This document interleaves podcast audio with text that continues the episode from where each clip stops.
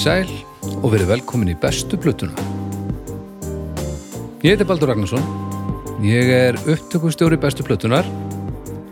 Ég er eh, verndari. Ég er sennilega eigandi bestu plötunar. Ég held það. Ég á bestu plötuna. Uh, hjá mér eru tveir menn, uh, gestir.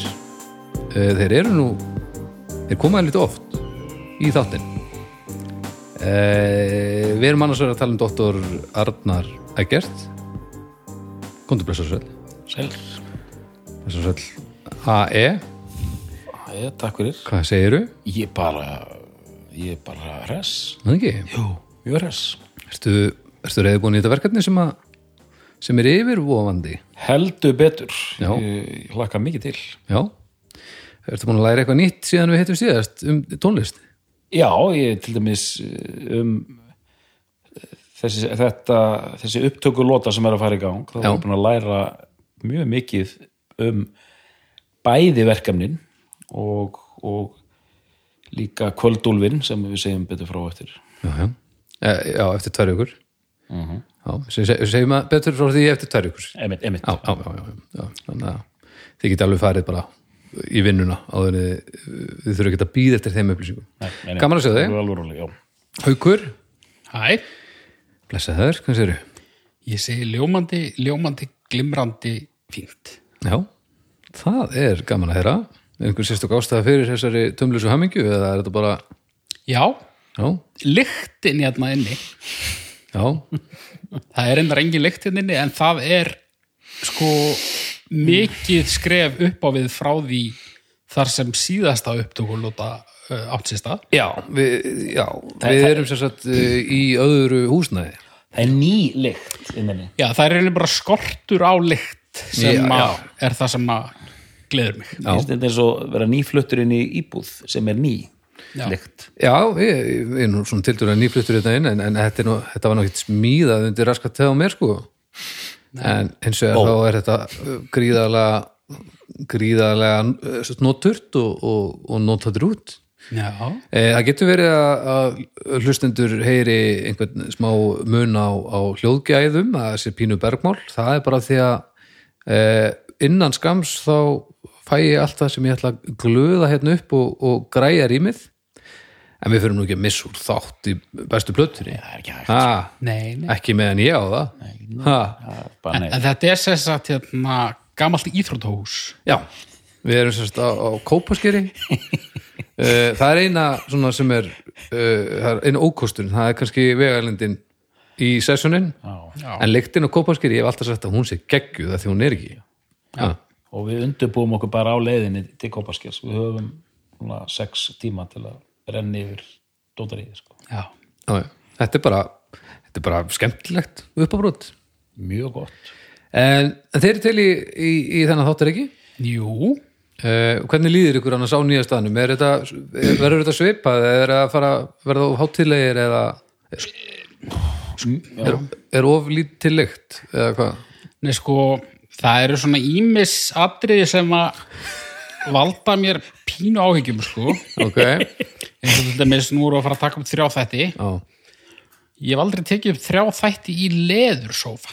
Þannig að það er spurning hvernig þetta verður. ég nefnilega sko ég ákvað að þó það braki í honum þá er það bara partur af, hann er þælur er ekki, Jú, en ég er bara að spá í hversu lindur maður verður við hann. Sko. já, meina það já, það, það, er, það er allt í leið en, en er hann ekki þælur? Jú, já, mér fannst það nefnilega og ég ákvað þá bara, brakið verður bara partur af þessu hann veit, Hérna í- hann veit í- góðan stuðning. í draugaturninum eða, eða hljóðkirkjuturnunum eða hvað við köllum hann nú. Já, Ég, ég, mér bara að við sitjum eiginlega eins þá svona ef maður, það er eitthvað kunnrættu þetta. Já, ég er að fíla bara e, e, þú veist, þetta er eitthvað nýtt og einmitt góð lykt. Saknaði þess að sjá einar vinn minn ekki reyndar en, já, já, en síðan er komnar kunnulega myndir upp á vegg og svona. Já, já. og hérna ég sitt nær honum hauki en áður sko. Já það var náttúrulega viljandi sko.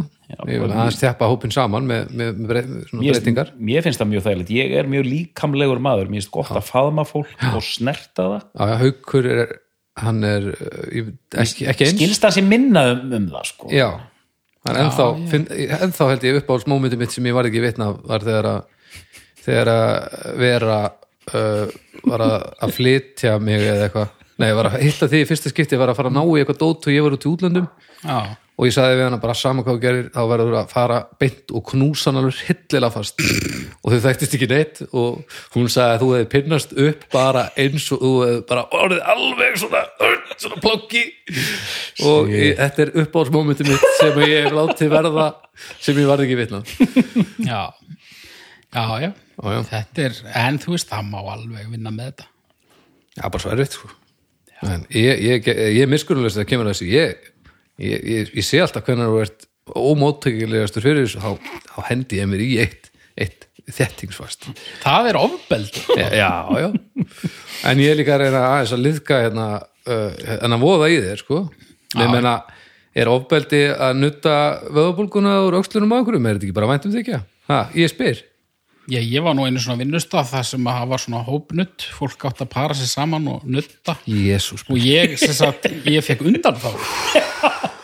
Ég baði um undan þá og, ég hef og gert það saman hana, sko. ég hef gert það saman ekki út á óþægindum heldur bara út af sjálfsmórsugsunum held ég, ég bara, ég, ég hópefli er illa ógeðslegt, ég veit það ógeðslega ógeðslegt, ég er ekki að grínast? Oh. já, Já, já, já, Eh, þetta er svona. En Við skulum taka einn nuttring uh, í bestu plötunni uh, við tækifærin, Þa- en það tækifæri er ekki núna. Nei, því nú þurfum við að tala um tónlist. Já, uh, að því í dag þá ætlum þið að tala um bestu plötu Thin Lizzy. Jú, Já, það er þannig. Já. Uh, Spennandi verkefni. Já, ég veit ekkert um Thin Lizzy sko. nei, Það er bara ekki neitt. Þú ert ekki einn um það sko. Nei. Þetta er svona getur við getur við flokkað þinnlýsi sem köld sveit hún kannski aðeins sko aðeins svo, aðeins svo stór fyrir það en ég, ég var að lesa um hljónsveitina á allmusic.com og ég er eiginlega sammála Já, en að ég er eiginlega sammála því sem þar var skrifað að hérna þrátt fyrir og, og, og Baldur, þú kannast til lagið The Boys Are Back in Town. Dum, di, di, din, og mögulega Tonight there's gonna be a jailbreak. Mm -hmm. la la la la la og kannski hérna Dancing in the moonlight. Di, di, di, já, ég er nú öruglega að blasta það í, í okkar sambúð sko. en hérna þetta er, þetta, þetta er svona 70s hard rock band en svo sem skrifaði All Music hann sagði þrátt fyrir að vera temmilega stórt og það allt -hmm. þá eru þeir enga síður og eins og þú varst að í að haugur vannmettir já. Já, já, og, og svona þetta er þetta er Írskir. Flókin saga. Írskir. Írskir ok. Þetta er flókin saga og, og að mörguleiti sorgarsaga bæði bara út af því að þarna hann alltaf dó allt of ungur. Spoiler. Spoiler. En líka bara, þú veist, þetta var svona hljómsveit sem að bara þeir bara þeir klúruðu þessu svolítið sko. Já. en, en förum í það nánar á eftir. Já. Uh, hvernig var að gera þetta? Á, já, uh, Sko, hvo- hvor er komið þetta? Er, er þetta doktorsval? ég, ég kom með þetta Þú komst með þetta? þetta er sem sagt, já, haugur valdi þetta Ok Hefðið þú getað valið þetta? já, ég hefði getað valið þetta uh, og uh, ég man ekki ég man ekki hvor setti þetta niður á Excel-skjalið en ég allan að fekk hlíti hjarta því ég sá að þetta var komið ofalega á lista því að þetta var einmitt band sem mér fannst ég þurfa að kafa aðeins betur ofan í loksins af því að ég hef aldrei fyllilega náð þessu bandi og það hefur trublað mitt álítið af því að það eru menni kringum mig sem ég tristi mjög vel eins og Aðalbjörn Tryggvason til dæmis -hmm. og Jussi Karjalinen finskur stórvinu minn. Þeir eru báðir svona alveg mega aðdándur Já. Og ég bara, ok, ef þeir eru svona mega aðdándur hvað, hvað er ég ekki að fatta? Þannig að ég fór eh, hérna mjög forvitin inn í þetta mál sko. Ok. En haugur Hann- já, af hverju, já. Já, ég hérna þetta er hljómsveit sem að ég hef kunnað nokkuð vel við nokkuð lengi en, en, en hérna en aldrei sagt mér svona 100% í. Ég hérna ég átti mér þessar plötur sko. Ég átti hérna þrjár þinn lissiplötur hér á, á CD Þrjár?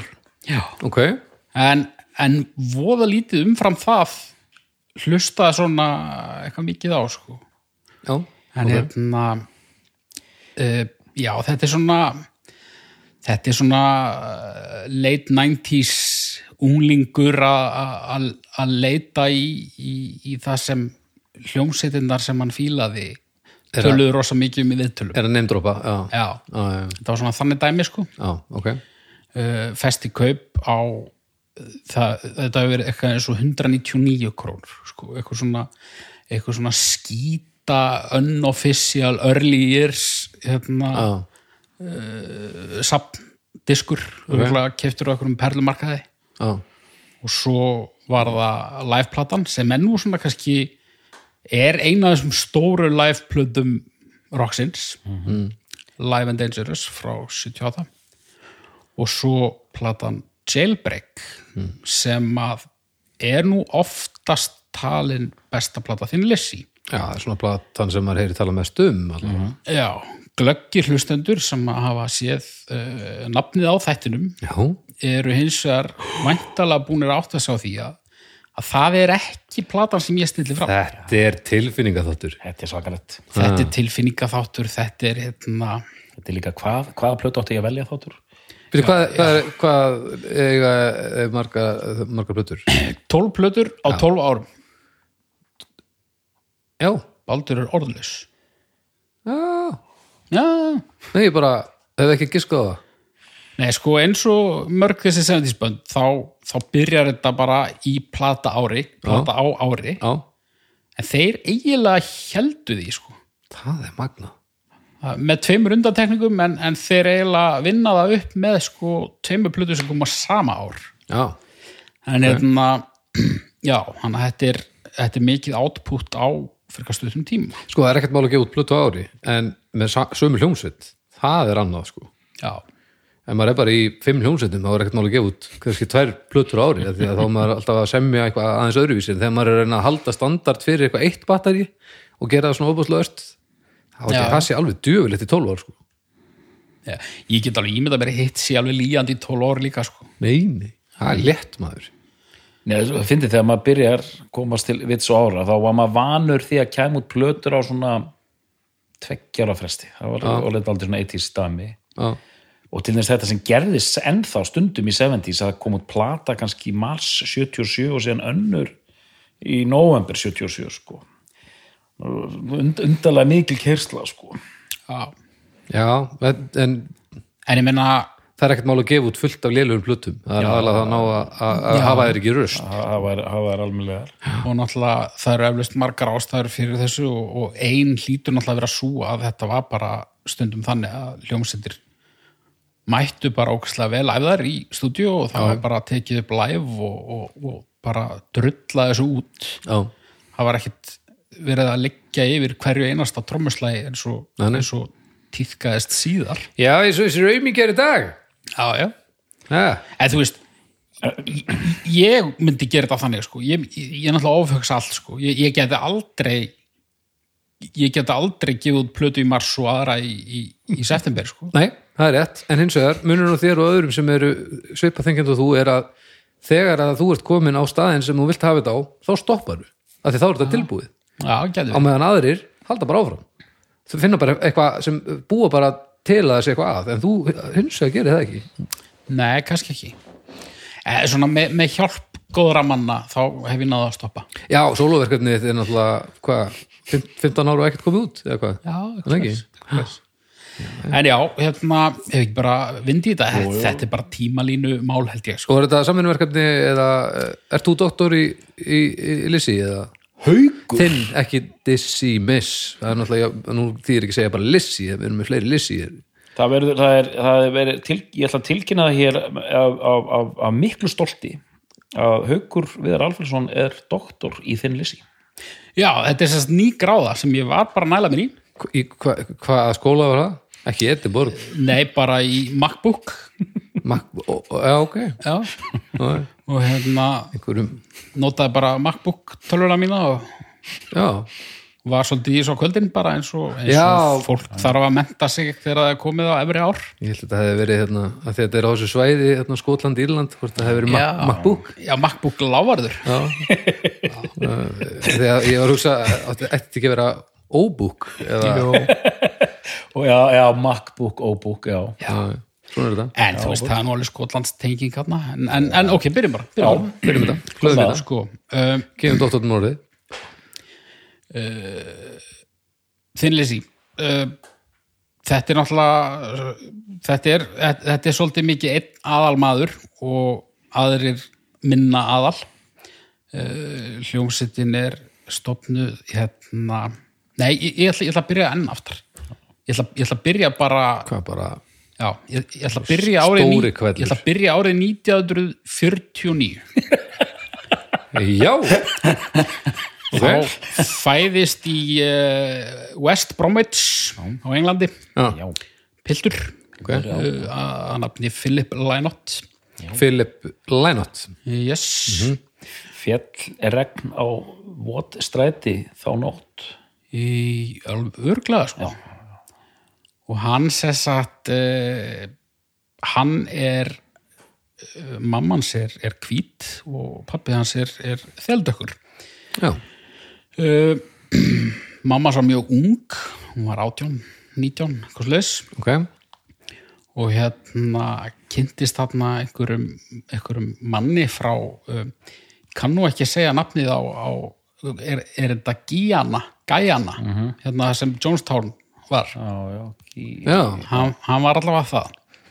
Ha, var hann þaðan? já, Já, og hérna og þetta var eitthvað svona eitthvað svona stutt fling sem hún átti með honum og, og, og, og hún varð sess að vanfær -hmm.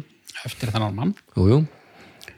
Og, og svo lætur hann sig bara hverfa eins og menn voru svolítið í að gera á þessum árum Já, já, menn voru, voru að helviti lélegir. Menn voru svolítið lélegri sko. þeir voru bara þeir, samviskulausir og hrættir já, og þú veist, menn er alveg lélegir í dag líka sko, Já, já. en, en kannski aðeins minna mu- mun minni þrýstingur í þá dag að vera erlegur sko. já, Já, það voru allir drast. Þannig að það- ef þú reyndir ekki neitt þá var það ekki óvinnulegt en ef þú reynir ekkert í dag þá var allavega að tala um það. Já, tala með þú sért aumingi sko. og hún hérna þetta, sko, ég, ég, ég, er, ég er engi doktor í sko Bittu, bittu, bittu enskri svona samfélagssögu en, en Nei, hún, allavega, hún, það. hún endar í einhverju klöstri með einhverjum nunnum sem að var eitthvað svona dæmi fyrir bara svona einstæðar mæður. Þetta var bara svona semi-refsivist einhver sko. Og Ok. hún og það er mikið þrýst á hana að gefa barnið frá sér mm. út af því að ekki bara þótti nexlanlegt að, að hún væri ógift Mhm. og, og með barn heldur það að barnið væri hérna hálf dögt pappið var svartur. Já, Já, og hérna hún næra semja eitthvað ef fóreldra sína sem að, sem að byggu í, í Dublin á Írlandi um, að, um að fá að senda drengin þákað þetta er þegar hann er svona þryggja fjöra eitthvað svo þess ok. Og hann sem sagt elst upp hjá ömmu sinni og afa og hann er hann er eiginlega bara eini þeldökki drengurinn í bara ég ætla nú ekki að segja í Dublin en, allavega í skólanum og, og þú veist, hann var hann, hann, skar sig úr og það markaði hann held í töluvert. Já, og hérna, fá, fá hún nú nafni á móðurinni líka já, hún, hún Philomena Lænott hvað sagði? ég var nú að senda Arnari hérna myndir af henni Filomena Já, það, það eru myndir sem er heim í grúpunni. Það eru rosalega myndir. Nú, Já, hvernig þá? hún bara lítur út eins og eitthvað svona Barbara Kartland svona típa með englirni og bara, þú veist, eh, að þetta sé mamma þessa manns, það er með ólíkin. Hvernig er þetta skrifað? Filomena. Með PH Já, Filomena þú veist ekki hvers dóttir heldur bara. L-Y-N-O-T-T. bara, ég, ég heiti Filomena og ég skýri són minn Phil. Já, Philip. Philip, ég heiti Filomena og hann mun heita Philip. Já, já, já, Þetta virða hana fyrir þér. já, já, þetta er rosalegt Já, við, við, við setjum þessar kæru hlustendur, við setjum þessar myndir inn á hópin Já, Já, En, en hann svona, já, já, hann, hann enga síður uh, bara svona finnur sína fjöl og, og, og hefur mikið áhuga á músík, áhrifavaldar, Elvis, það allt, Van Morrison og svo eiginlega kemur sprengjan sem er sko bítlið og svo Hendrix. Já, og hann byrja mjög snemma að spila í alls konar ljómsveitum ok.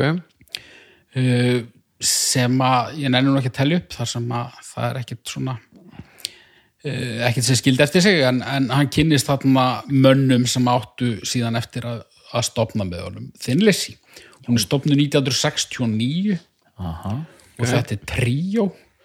Uh, trommuleikari Brian Downey sem var trommuleikari Thinlissy alla tíð mm. og er svona eini fasti eh, meðlimurinn allan tíman á samt uh, line-out sko.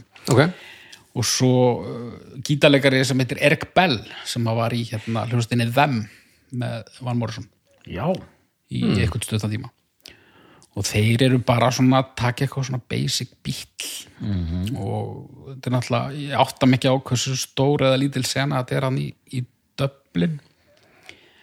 En, en síðan eh, býðst þeim fljótlega að fara yfir til London þar sem að þeir svona slíta barnskónum sem hljómsitt ok. Þú, þessi fyrsti gítalega var hann í þeim Norður íri þá uh, hann er, já ég held það alveg örglega hann hafi verið að ég hef að lesið það hann er allavega íri. Já, uh, og uh, já, þeir, þeir fara hana yfir og gefa út fyrstu plötuna 71 fá hana eitthvað uh, þryggja plötu samning við Dekka og gefa út fyrstu plötuna.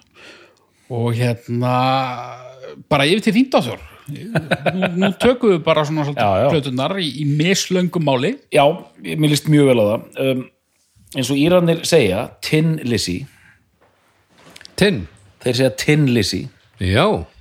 Þegar Írar telja það er alltaf 1, 2, 3 Já, hverju er þetta háa þarna? Þeir, já, ég segi það, þeir sleppa hún Tin Lizzy, Já, þeir, þeir nef, nef, nefna sig í höfuðið á einhverju, einhverju teiknimynda bóka karakter sem heitir Tin Lizzy T-I-N sem er eitthvað svona ég sá okkur að myndir þessu, þetta er eitthvað svona vélmenni með svona fjæðurkúst og svundu svona, eins og svona eitthvað svona, eitthvað svona eldabusku vélmenni Já, þetta er klassiska já. ah. en já, já, já, heyrðu, hérna En býtu, en Írar segja þér þeir segja thanks stundu, þú veist, þeir segja ekki bara thanks. Thanks, thanks eða, ég veit ekkert sko. er, það kemur alltaf svona and, and, and, and he was alive for 30 years 30 years Já. og, no, and, Já. and I, I started to count 1, 2, 3 and that, og það er alltaf vant alltaf háið sko. Ja, að fara- ten lesi ok Já, Tinleysi, fyrsta platan sko er 71 og þannig eru þeir að spila uh, einhvers konar eh, hérna blues rock svona orkutrí og rock og svo sem lítið að frétta ég, en, þú nú dálítið hrifin að þessari plötu er það ekki, Haukur? Mér finnst hún alveg svona lofa góðu sko. Uh, sérstaklega miða við það koma sína plötur hérna í kjölfarið sem að ég er minna hrifin af en mér finnst hún svona uh, ég, ég hugsa það svolítið svona, þú veist, ef þetta band hefði aldrei orðið neitt þá hefði þessi plata mögulega geta orðið eitthvað kvöld sko. Já, en út af því að það rætti síðan úr þeim þá, þá hérna, er þetta bara eitthvað svona einhver staðar þarf maður að byrja platan. já, en, nákvæmlega. en á þessum árum er sko hérna mér finnst, mér fannst koma út mikið að mjög leiðinlegri tónlist á þessum árum. Þetta er svona það er eitthvað svona þingu bluesrock sem er rauninni krím að kenna. Mm. og þá koma svona böndi svo til dæmis Humble Pie og fleiri svona sem er mikið gert úr hárri svona bluesrocki sem er oft rosalega tippalegt og leiðilegt og bara svolítið svona fúlt. Já. ég hef aldrei fílað þetta almennlega sko. en þeir eru ekki alveg þar einhvern veginn. Það er svona, en þær eru samt slappar, alveg fyrstu fjóraplötunar eru bara, hvað er að frétta sko? Ok, fyrstu fjórar? Já, ég, ég er eiginlega þar líka sko. mér finnst þessi fyrsta alveg mér finnst hún alveg bærileg sko. og svo koma hérna 2, 3 og 4 og, og það, það er alltaf lag og lag en, en þeir, þetta fyrir rosa hægt af stað. Shades of a Blue Orphanage. Já, það, það er sennilega, mér finnst hún lélegust af þessum hérna, þessum fyrstu fjórum. Já, hún er, hún er eiginlega bara hundleðileg sko. ok uh, Vagabonds of the Western World Já, hún, hún er svona skref upp á við en, en hún er ekkert sér sko.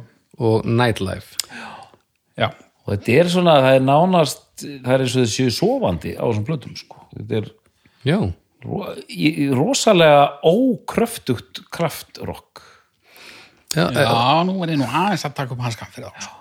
það heitir rock þá Já. Rock Nei, þú veist, ma maður heyrir það samt á þessum plötum og þeir eru, þeir eru gríðarlega vel spilandi. Nei, og þetta er líka 73, 74 Já. Þeir eru gríðarlega vel spilandi ok, og maður heyrir það strax. Sérstaklega finnst mér ég að heyra að trommarinn er hreinasta afbragð. Okay. þessi trommari er náttúrulega bara eh, eitthvað rannsóknar efni sko. og hérna og mér finnst hann alveg fá að svona láta ljós, ljósitt skína hans er rækilega á þessum plötum þó að lagasmíðarnar séu misjafnar. En hérna en ok, skautum bara hratt fram hjá þessum plötum sko, býtu, býtu, býtu, ég, ég verð nú samt að fá að minnast á það að þú fokkar ekki í, í album uh, coverinu af Nightlife. Nei, Þetta er geggjað. Ah. Partusin í borginni. Það var að greið, fullt tungl. Það er alltaf að vera vitlaust. Já, já. Tjöfull er ég ánægð með þetta. Og þú veist, það eru, það eru alltaf nokkur lög á, á, á öllum þessum plötum sem er, sem er ágændar en svona í heildina eru þær ekki, ekki sterkar. Og sérstaklega ekki þegar að tekið er með af, af því sem kom síðar. Skrýður hægt að stað, þetta er ekki handónýtt en svona vélinn er lengi að fara að stað sko. Já, Já, og, og það er einmitt bara svona eins og þú segir það er, það er eins og þeir séu bara svolítið að reyna að finna hvað þeir vilja gera sko. finna taktinu bara. Já. og hérna Ok, en síðan eru fréttir. Já, sí, sí, uh, já. Tökum hérna fjórðu plötuna þá í rauninni verða mannaberðingar sem sagt eftir þriðju plötuna sko fyrsta platan, hún seldist þokkalega. Já. önnur platan var algjört flopp og, og þriðja einnig. Uh, það sem gerist á undan þriðju plötunni er hins vegar það að þeir uh, þeir gefa út smáskífu í rauninni sko var tekið fram fyrir hendurnar að þeim. Þeir að gefa út eitthvað lag á smáskífu það vanta eitthvað bjellið og þeir henda í eitthvað bara í einhverjum hálfkæringi uh, þá breyða þeir yfir Whiskey in the Jar. Mm. sem að, ég veit nú ekki hvort það er eftir Dubliners en, en það er þá allavega, er þetta ekki bara eitthvað svona ga, eldgamalt Ég veit ekki eitthvað hundað bara. Ég held það. Tratt, Já, Dublin Sennilega. Ég get ekki hétti Nei, en hérna en, en það, þetta var bara einhver, einhver svefgalsa upptaka og, og þeir bara, já, já, setja þetta bara bjöliðina en hérna dekka uh, setja bara alliðina bara þetta er miklu betra. Og þeir svona óvænt eiginlega svona sem í slá í gegn hérna, á Bretland segjum skulum við segja. Já, og hérna og þeir svona eru í þeirri stöðu að þeir eru óanaðir með að það fyrsta sem vekur aðtekli sé eitthvað sem gefur kannski ekki rétt að mynda af hvernig hljómsveit þetta er. Já. en þeim finnst náttúrulega frábært að spila fyrir 5.000 í staðin fyrir 50 já. þannig að þeir bara svona já. Svo kemur út hérna þriðaplatan Vagabonds, ekkert að frétta þannig lagað og svo og þá hættir sagt Erik Bell í okkur fílu. Ok. Og þá uh, ræður Phil tvo gítarleikar hann segir bara ég vil bara vera með hérna, bara vera með tvo, tvo. Mm. þegar hérna, hann nefndi ekki að lendi í þessu aftur að ef að gítarleikar myndi hætta Já, það þurfa að fara að leita. Að hann vildi bara vera með einn og svo annan auka. Og, og þannig er line-upið þeir taka tak upp þessa nightlife plötu. Og hvaða tveir menn voru þetta? Heyrðu, þetta voru sem sagt og, og, og þetta er fyrsta þetta breytir samtinu líka. Já, þetta er fyrsta platan með þessu svona sem kalla klassiska line-upinu. Það er sem sagt line-out, bassi og söngur. Uh, og hérna hann Brian Downey á trommur. Og svo eh, eru þetta svo fá þeir svona alveg dæmi gerðan svona Kaliforníu dela sem heitir Scott Gorham. Á gítar. Bara svona bara svona eh, bara eitthvað allt annað sko. Já, ok. Og eitthvað grautfúlan skota á mótorum sem að heitir Brian Robertson. Já, og þetta er line-upið sem tekur næstu fimm plötur. En, en sko Brian Robertson átti síðar eftir að spila með já. Já, spilaði hérna plötuna uh, Eh, Hann spilaði Another Perfect Day. Já, Another Perfect Day. Og mjög einkennandi hans gítarleikur þar. En þú veist það var búin að vera rosalega gestagangur á þessum plötum og ég meina eins og Gary Moore spilar á öllum þessum fjórum fyrstu það Gary Moore, írski gítar guðin hann Mhm. og þú veist það, það var búið að vera svona renneri skilu, þannig að þó þeir hafi verið tríó þá, þá hérna, verið svona hérna Mitch Júr, hann spilar á fyrstu plötinu sko. hérna Ultravox já. maður. Og, og setna meir varðan túring gítarleikari í, í eitthvað stöðan tíma. Alveg rétt, tók einhvern Amerikutúr Já. Og hérna, en já þessi Nightlife plata, það er í rauninni fyrsta platan með þessu line-upi -hmm.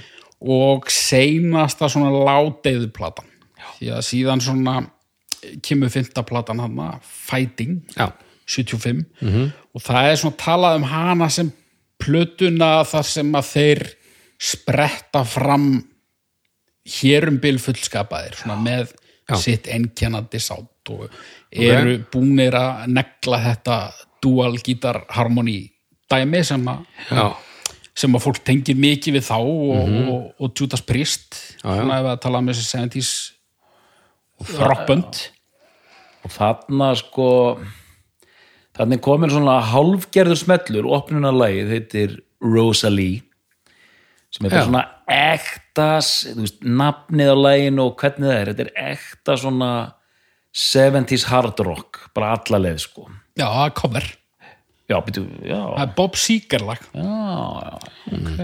En hérna, anskotin, ég var nefnilega að ákjöra stefgjaldunni þeirra, þeir, þeir eru ekki að fá nein ennþá sko nei.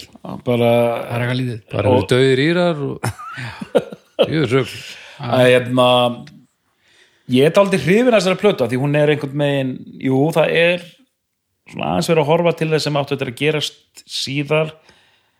Samt hérna ennþá með pínu löppina í þessu 70s rockið þarna.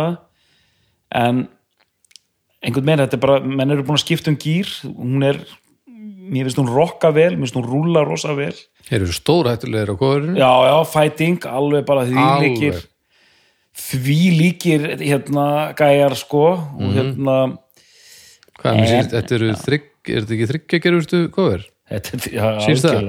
Eða tveggja, eða kannski tveggja háls og, og, en þarna finnst mér og nú þetta annarkort að mótmæla mér að taka undir eðlilega haukur að hérna það er þetta mér finnst ég byrja að heyra hann er ansi, hann er góð, mjög sterkur lagasmiður, hann Linot sko. Ok, og, svo ég noti uppáhalsorðið mitt hann er glúrin. Það er svona það er svona, það er alltaf eins og sé ein auka slöfa hérna í riffinu sko. Það er svona aðeins útöksaðara sko. Já, sko mér finnst fighting ekkert frábæri sko, mér finnst hún hérna uh, hún er svona kannski hérna, hún lendir þarna einhvers staðar á, á miðja vegu á milli jailbreak og, og, og hinna fjögura hvað Mm. hva gæði var þar fyrir mittleiti, hún er ágætlega vel metin samt uh, mér finnst hún svona uh, þetta er svona bandarískasta platan til Mm. þessa Mm-hmm. þetta er svona skrítið að tala um ACDC þar sem þeir eru alls ekki bandarískir en hún svona, þetta er svona þetta er svona þetta bandaríska sólskins töffara já, kerslu eitthvað.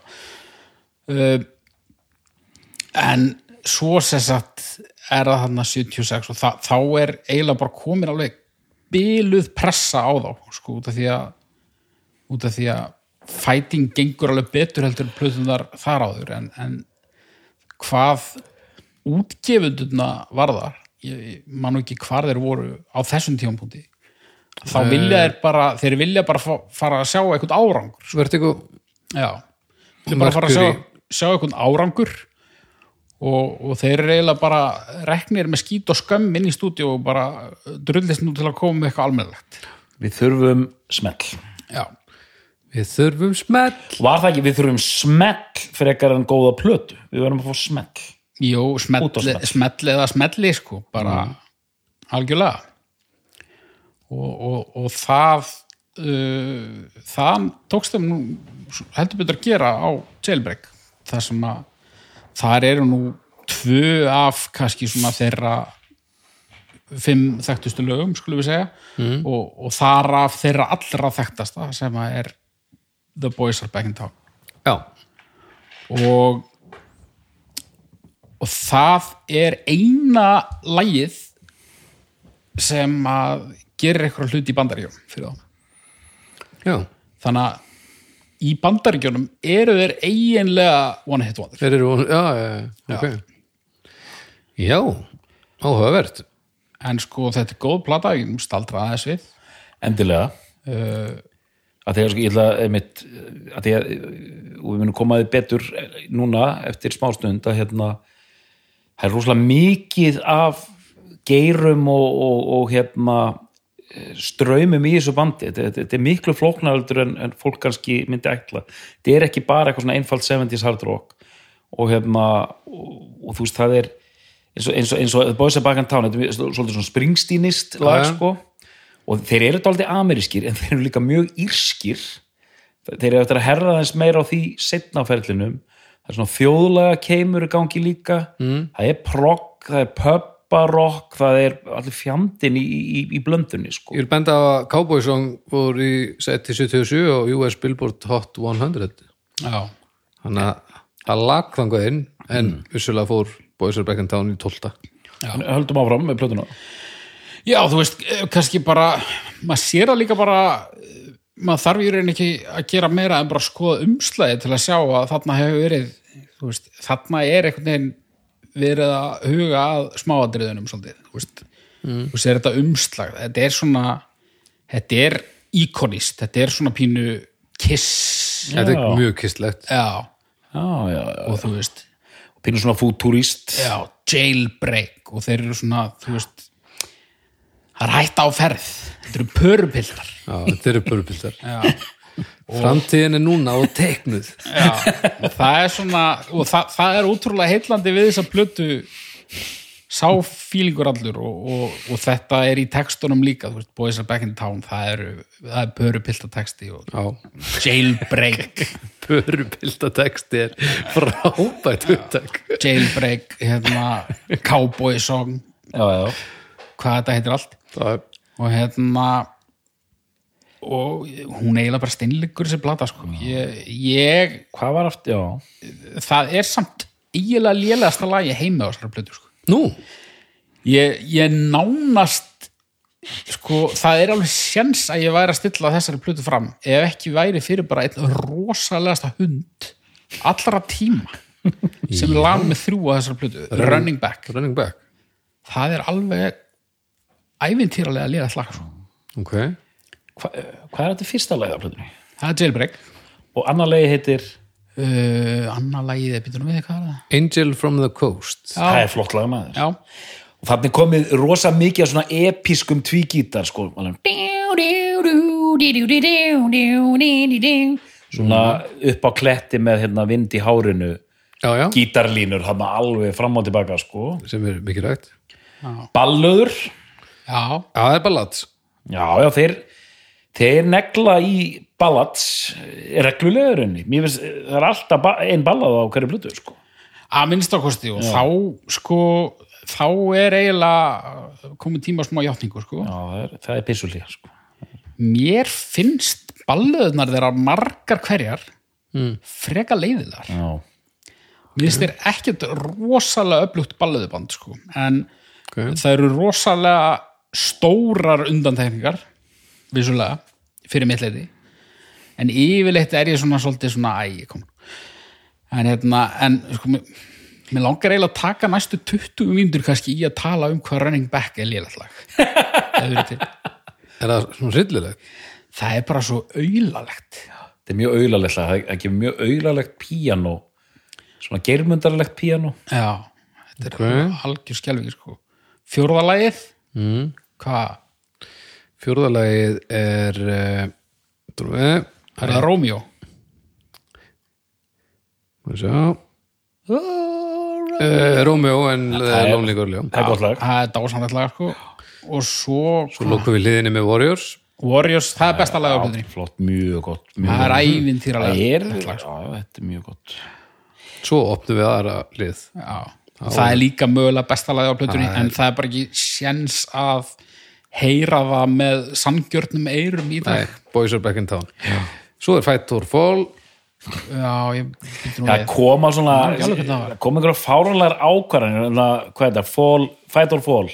Já, það er mjög gott lag, byrjar rosalega vel en það er eðilagt á síðustu 30 sekundunum að þá kemur eitthvað svona rödd inn. Já, brother, brother. Brother, brother. Já, eitthvað svona silki mjúk já, pörupilturinn hann, hann ætlar að ríða okkur. Já, pörupildurinn alltaf bara er komin svona aftan á okkur og er svona byrjað að sleikja okkur eirun og kvísla brother, brother. Þetta, þetta er ekki gott, þetta, ég veit ekki hver tókus ákvörðun sko. Nei, einhver annar en þeir. Og svo er það ekki hérna, Cowboy Song og Emerald. Jú. Ég er alltaf br briljant lag. Já, þau eru bæðið bara frábær. Þessi plata er eiginlega skoteld sko En byrju running back, hvernig líður með það sér? Eh, það, Mér líður ekki nóg vel með það sko Þú ert ekki ánað með það? Nei, Nei, hvað er svona elsta sem að tröflari? ég veit ekki sko Það er bara svona pirrandi lag sko Doktor, þetta er sammálunum með það? Nei, eiginlega ekki sko. ég, hérna, ég tók sko hérna það var eiginlega haukur sem benti mér á þetta sko. að bítu, bítu, bítu, bítu, við voru því að menga hvort annan fyrir tökur eða? Við, erum alltaf talandi saman plötur, sko, allan, allan daginn, allan daga Ef þetta væri, eh, ef þetta væri dómsmál fyrir rétti þá væri löngu búið að- mist træjala þetta eh, rugl sem er í gangi hérna ha? við hérna sko þá benda mér á þetta ég, ég var eitthvað að dása massa plötu sem hún væri bara alveg frábær og hérna, en hvað hva, hva, hva finnst þér í running back? Hvað finnst þér um ókið þarna númer þrjú? Já, og hérna þá svona, þá, þá vissi ég hvað hann var að tala um, það var þetta pianostef sem ég einhvern veginn ég gaf einhvern veginn bara passa sko, frípassa sko. Já, Hérna- ég er náttúrulega kannski aðeins að færi í stílinn sko. Ég er ekki þetta, alveg svona er, en- þetta er, það er eitthvað svona hemmagunn hérna, intro feelingur í þessu lagi sem er, er svona, er, mér fannst þetta eiginlega nánast krútlegt sko. Þannig að ég er rólegur sko. út af því að þetta er svona plata þar sem þeir eru svolítið svona byggja upp eitthvað svona cool stemmara Já, þá eiginlega dregur þetta, þetta er bara svona eitthvað eins og setja ég fyrir í fríið á þú veist, eitthvað stórhættulega blötu sko. Ég, það, það er einhver svona sumargleðis feelingur í þessu lagi sem bara er ekki að virka sko. nei, já, það er ekkert sumar á þessu blötu og, og ég ætla bara að segja það sko, platan sem ég still fram og platan sem að atti hvað mestu kappi við hana. Atti Gatti Nóa já, einmitt hún. Nei sko jailbreak endar í þriðja sæti hjá mér sko. Ok. Eh, það eru mögulega fleiri rosaleg lög á henni en, en það er allavega engin hundur á hinum tömu blöðunum sko. þó að þessi kannski tveir fillerar á korri sko. Ok, þessi plata er nánast filleralaus ég set spurningamerki við bróður bróður lagið og, og lana með tvö þau svona, þau eru kortir í filler en annars er restin hvað sem eru þá sjölög mm. gríðarsterk öll en það er hundur sko. en hver er munurinn á fyllir og hundi? Filler er bara svona allt í lagi. Já, Óeft, bara, óeftirminnilegt. Já, óeftirminnilegt, já, allt í, allt í lagi mínus. En sko en eh, hundur sko filler getur orðið að hundi ef öll restina af plötunni er stórfengli já, já, algjörlega. Þannig að þetta, þetta er samhengismál sko fyrir mér allavega. Mm. og það, já. Þannig að hundaprófið er breytilegt. Já. Hérna, mér langar aðeins að tala um það sem gerist næst svona í, í lífi hljómsættarinnar Það er þetta verið fyllir plata? Nei, uh, ertu að fara að henda í eitthvað Phil Lynott brandara? Nei ég, ég ætlaði bara ég ætlaði bara að minnast á hann og svo bara höldum við áfram. Takk. Hérna, já þú veist þeir eru með svona nokkuð öflugan hittara þarna í Boys of Back in Town í bandaríkjunum og þá eiginlega svona rætist draumur Lynott og þeirra allra eflaust mm. bandaríkjatúr. Já, fyrsti stóri almennilegi túrin og þeir mæta, ég man nú ekki með hvernig þeir áttu að vera að spila. Ok, það var eitthvað ágætis nafn sko. Ok. Uh, en Lynott hann ákveður að fá sér smá livrabólgu. Ok, Þannig að þeir þurfa að cancela túrnum og hunskast bara aftur heim til livrabongu Bretlandseyja já, Ok, og það finnum einhverjum tvennum sögum að hvernig þetta gerðist en, en uh, Brian Robertson vill meina að hann hafi á þessum tímapunkti verið byrjaður að sprauta sig og, og hafi uh, smitast af skíturi nál. Ok, já.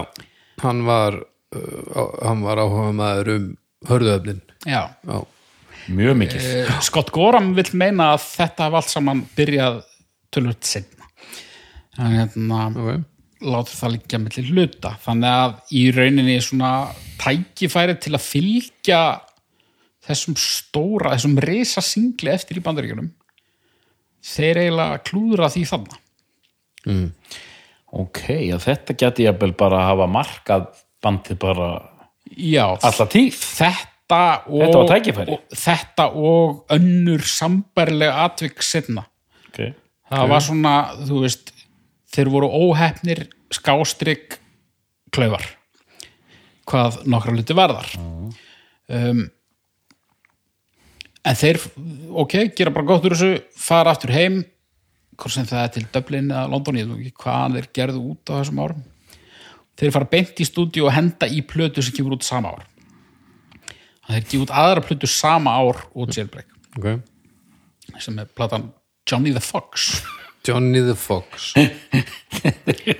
Eða Sa Eða segir Jóhann Refur. Já, sagan segir að, Lænótt hafi verið spurður af plötufyrirtækinu eða eitthvað, hvað, hvað heitir þessi plata? Og hann var ekkit alveg búin að negla neina titla og, hann sagði, sagði bara bara Johnny the Fox eða eitthvað. Og að það var einhver hérna, það var einhver bófi sem að stundaði einhver, einhver bar sem að hann var fastagestur á. Johnny the Fox? Já, Já, hvernig bófi bara einhver bófi bara svona, þetta er bara Já. mál, þetta, þú veist, er ekkert eitthvað í mannsali Nei, og svo er að eitt lagi það heitir hann Johnny the Fox and Jimmy the Reed sem var einhver annar bófi en þetta var víst bara, þú veist ég meina, það er kannski það er, það er kannski annað ég meina, þú ert hérna búin að klúðra bandaríkja túrnum út með jailbreak sem er svona svaka konsept. Mm. Og svo bara, hvað sér, hvað, hvað já, hérna, nonni refur bara það er flott. Og þetta, og þetta er alveg svo skrítið að þeir eru með þarna jailbreak plötuna sem er einmitt hún rockar, það eru smellir þarna og bara mjög samfæriði plata en, en einmitt svona nokkri hnökrar. Mm. þá kemur þessi Johnny the Fox plata sem er svona svona hálfbökuð konceptplata einhvern veginn. Svona skrítin. Já, þetta er, þetta er fínasta plata en þú veist, þetta er svona lögin heita eitthvað, Johnny the Fox Returns eða eitthvað svona. Þetta er bara eins og eitthvað svona Wind in the Willows hérna, þetta eru laufi element í gangi þarna sko. er geðvegt plötu umslag. Flottasta plötu umslag þeirra, myndi ég segja. En, hérna, og ekki mikil samkefni Ha? já. Minnst það ógesla flott. Þú ert svo glirskjað já. Þetta er bara Þetta er allt út um allt En hérna, það er nú einn hittari, það er hittari, Bretland segja hittari, skulum við segja, hvað er það? hérna, Don't Believe a Word. Já, það er gott lag Það er ógeðslega gott lag. Og það er alveg góð lög á þessari plötu, en hún er svona, uh, við skulum segja að hittararnir eru, eða slagararnir eru ekki kannski á hverju stráið þannig. Hún sándar rosa vel. Hún fær góða dóma og líka svona í baksinni í speglinum sko. Já, hún er, hún er fín. hún, hún, kem, hún er oft á svona topp 5 á þessum listum sko. Ok. En hérna, hún leikur alveg inn á Billboard. Já. 50 og annað sæti sko. Já, já, þeir, sko, þeir voru ekki alveg búin að klúðra þessu. Það gerist næst. Æj, æj, æj og það er sem sagt annar bandarketúr mm -hmm. glæsilegt látum, nú skulum við ekki klúra þessu. Og hérna þá handarbrýtur Robertson sig í einhverjum knæpuslagsmálum mm, og hérna þeir spila eitthvað nokkur gegn með einhverjum öðrum eða sem sagt, með bara einum gítarleikara. Já, og það var náttúrulega svona svona þeirra hljóðheimur svolítið laskaður. laskaður og svo fá þeir liðsauka í, í Gary Moore sem að kemur bara hana með, með Concord bara yfir. Og hann tekur eitthvað gegn með þeim og allar klára túrin en hættir síðan bara. Þannig að þeir eiginlega bara cancela restinni af þessum túr líka. Já, já. Uss. og hérna og þetta er kannski svona útslæðið með þennan Ameríkusjens þeirra sko. Ok, klúðra tveimur stórum túrum og, og, og náttúrulega fólk bara hættir þú veist, promóterar og svona hætta bara stóla á þá og, og almenningu missi bara áhugan þeir eru bara one hit wonderið sem að gera þarna eitthvað lagi fyrra sem að en sko en, en túrnum er bara frestað uh, hún kemur út 16. oktober 76 þessi plata túrnum er frestað fram í janúar 77 og þá fara er þryggja mánu bandarækjatúr þar sem eru að opna fyrir Queen. Er það túrin sem að var hann um cancela er þetta eftir að þetta er eftir Já. já, þetta er eftir það, þeir taka þessu. Já, já, þú veist, þeir spila veist, þeir spila aftur í bandaríkjum þeir taka ykkur að túra en, en en mómentið var farið. Ég held að mómentið hafi svolítið verið farið, sko, það er svolítið talað um það að, að þetta hafi verið svona setna tækifærið sem klúðraðist, já, en ég er svo sem ekki alveg með dagsetningar hann á reynu ok. Uh, og uh, ekki upp ásplatan ykkar nema coverið hjá auki. Fín platt Já, Johnny the Fox. Já. Fín. Já, en ég segi það mjög rólega fín, fín, fín eigum við að brjóta þetta aðeins upp áður en við förum síðan í sko, það var eitthvað svo þetta já, náður næst í Þú það Já, ekki næst í röðinni er platan sem ég stilla fram Bad Reputation. Já, og hvernig ætlar að brjóta þetta ég er bara, ég er orðin svolítið þurr í munninum. Ég Já, var ok. að spája að fá mig vassopa Já. ef við taka smá breyk í plötu upptalingu Mm. ef við að tala aðeins um svona lænott sem tónlistabann við erum, okay. við erum ekkert búin að minnast á uh, uh, hvað hann er óvenjulegur söngvari. Ok. Á, á, ég að tala um það á meðan þú farið vatn? Já, byrjaði að tala um það, ég skal fá mig vatn. Eh, ég er búin að, Hann samdi megnið af þessu. Sem er hann textana líka? Já, þetta er svolítið, já, þetta er svona hans barn, Já, hvernig hann syngur ég ætlaði með þetta að minnast á að hann svona nánast talsyngur svolítið sérstakt sko. Já, hann er alltaf geggjaður söngari sko, en hann er með þetta svona og, og, og það er talað að það sé beint frá Hendrix ást hans. Já, Já, þetta svona trúnósöngur. já og svona vera svolítið eftir á og Já. með svona aðeins og mörg atkvæði og, já einmitt, einmitt, einmitt. Svona eins og að ryð- eins og að sé að riðja eins út úr sér nánast kæruleysislega sko.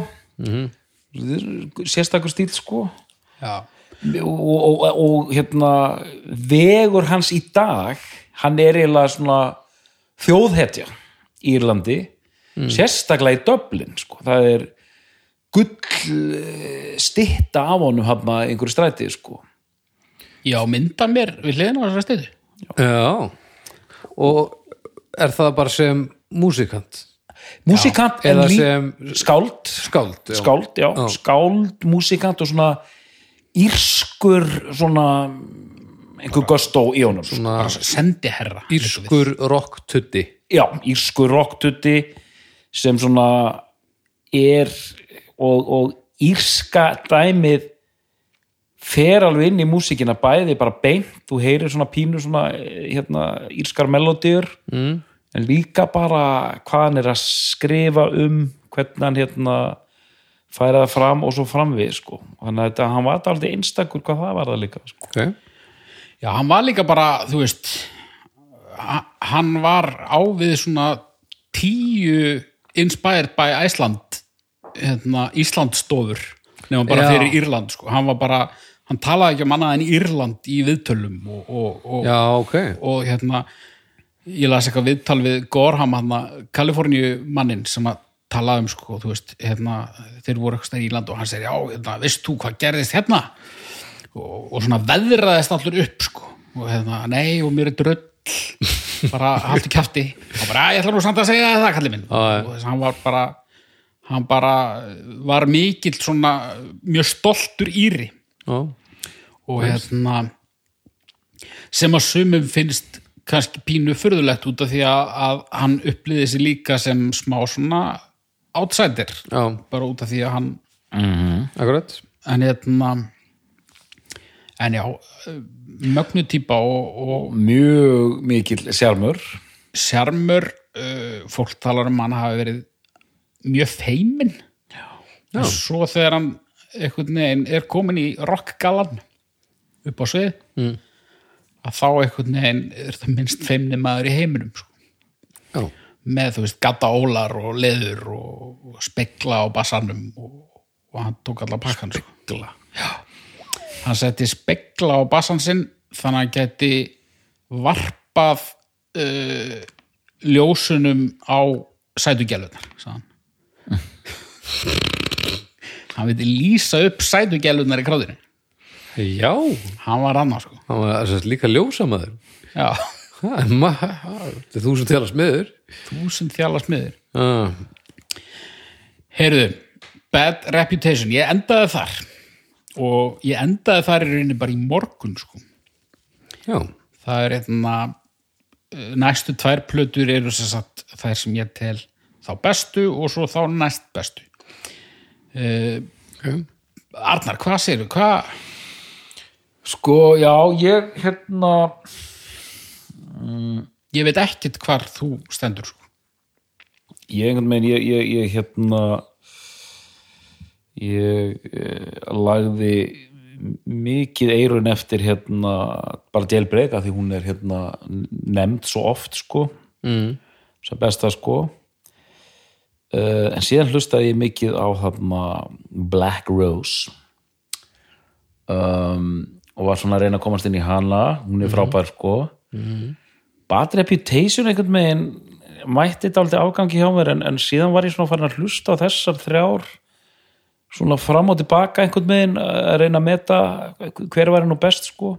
Mm. endaði, já, ágætt að koma fram ég, endaði í hérna ég endaði í tilbreyk en ég er bara ekkert viss. Á, þetta er allt miða við hvert ég er komin. Ég er svona og skuldar bara skulda nokkra tíma sko já, í, í, í hlustun sko og hérna en, en, en svona ég, mér, en mér finnst þar allar og ég held að haukur sé mögulega komin á annar stað en mér finnst þar allar eh, mér finnst enginn af þeim einhvern veginn fullkomin sko. Mér finnst svona mér finnst það vanta einhvern veginn að, að þeir séu nægilega helst eftir einhvern veginn sko.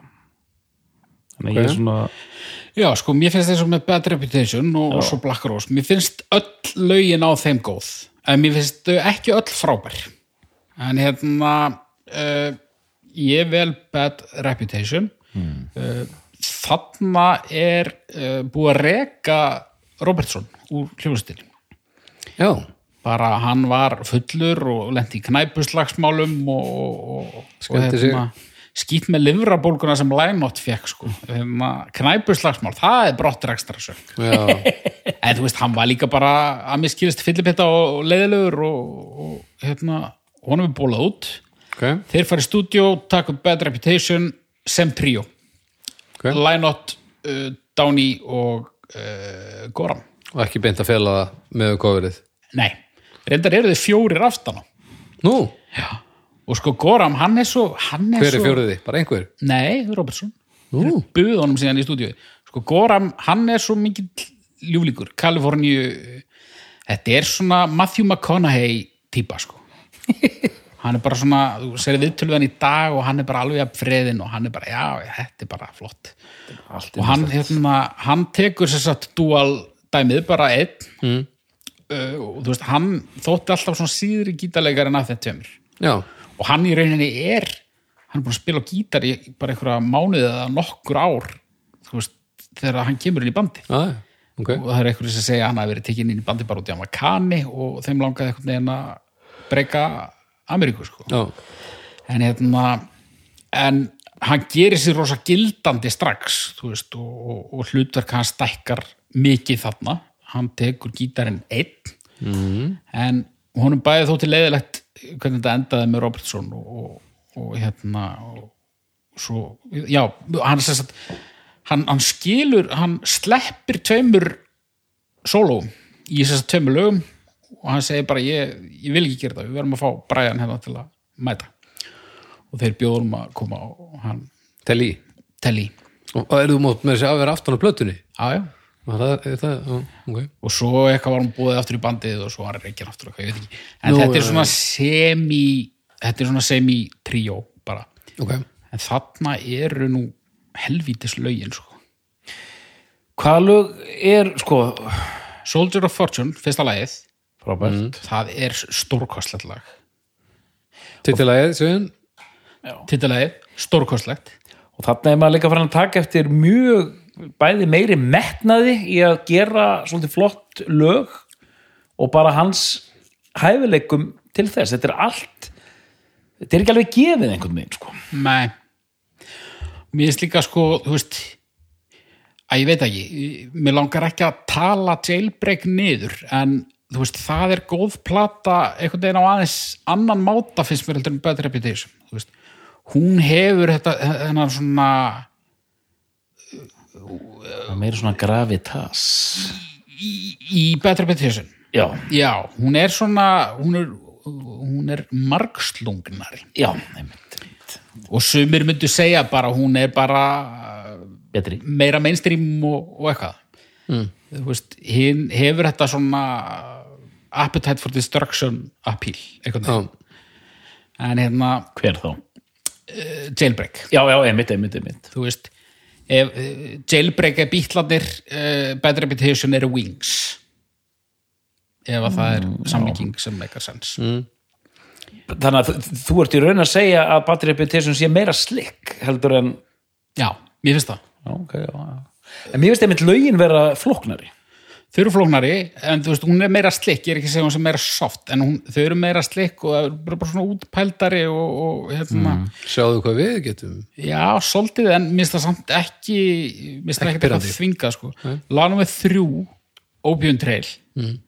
tókst þetta því að það er hérna það er röss bara. Opium Trail, já, já, já, já. það er bara röss þetta er bara röss eins og röss voru að gera bara í krigum 80 jú, þeir voru að gera progg alveg á þessum tíma líka en, en þetta er svona 1980 röss ógeðslega töflag okay.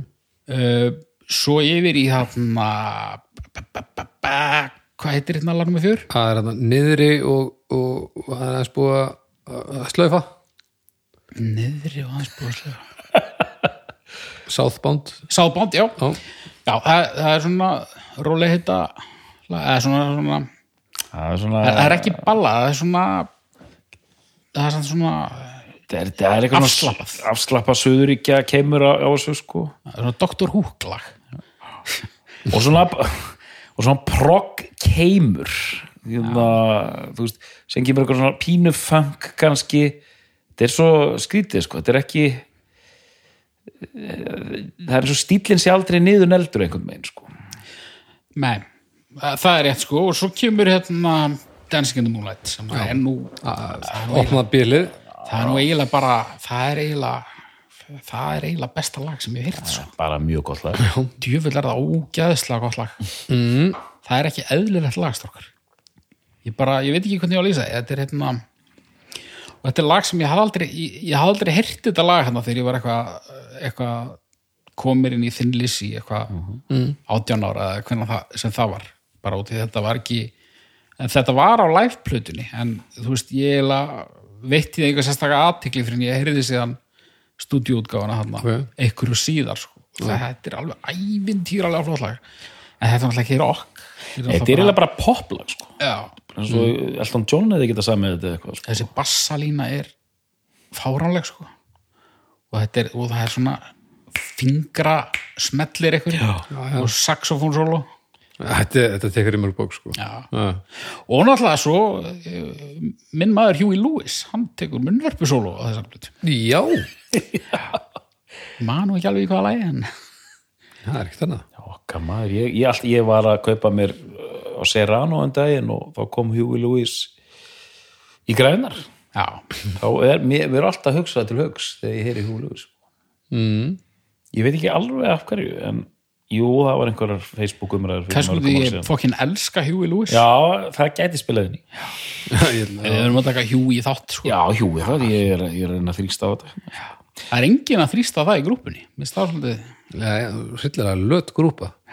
En hérna já, uh, svo kemur flott lag hérna númer 6 það er eftir, það er Scott Gorham sem á það hver, Maður á ekki að gera þetta en það er eiginlega ennþá verið að maður gerir það svona.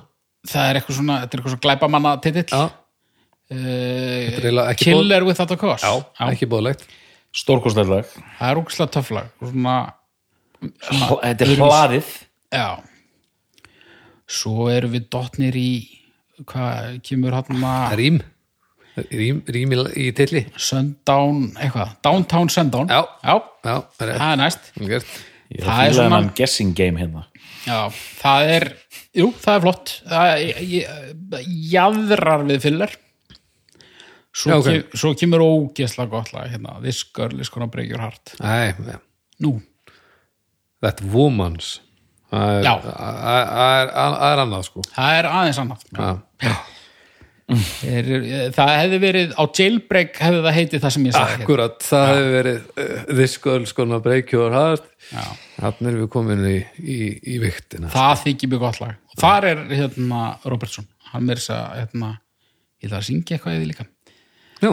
Uh, og svo kemur lokalagi Dear Lord.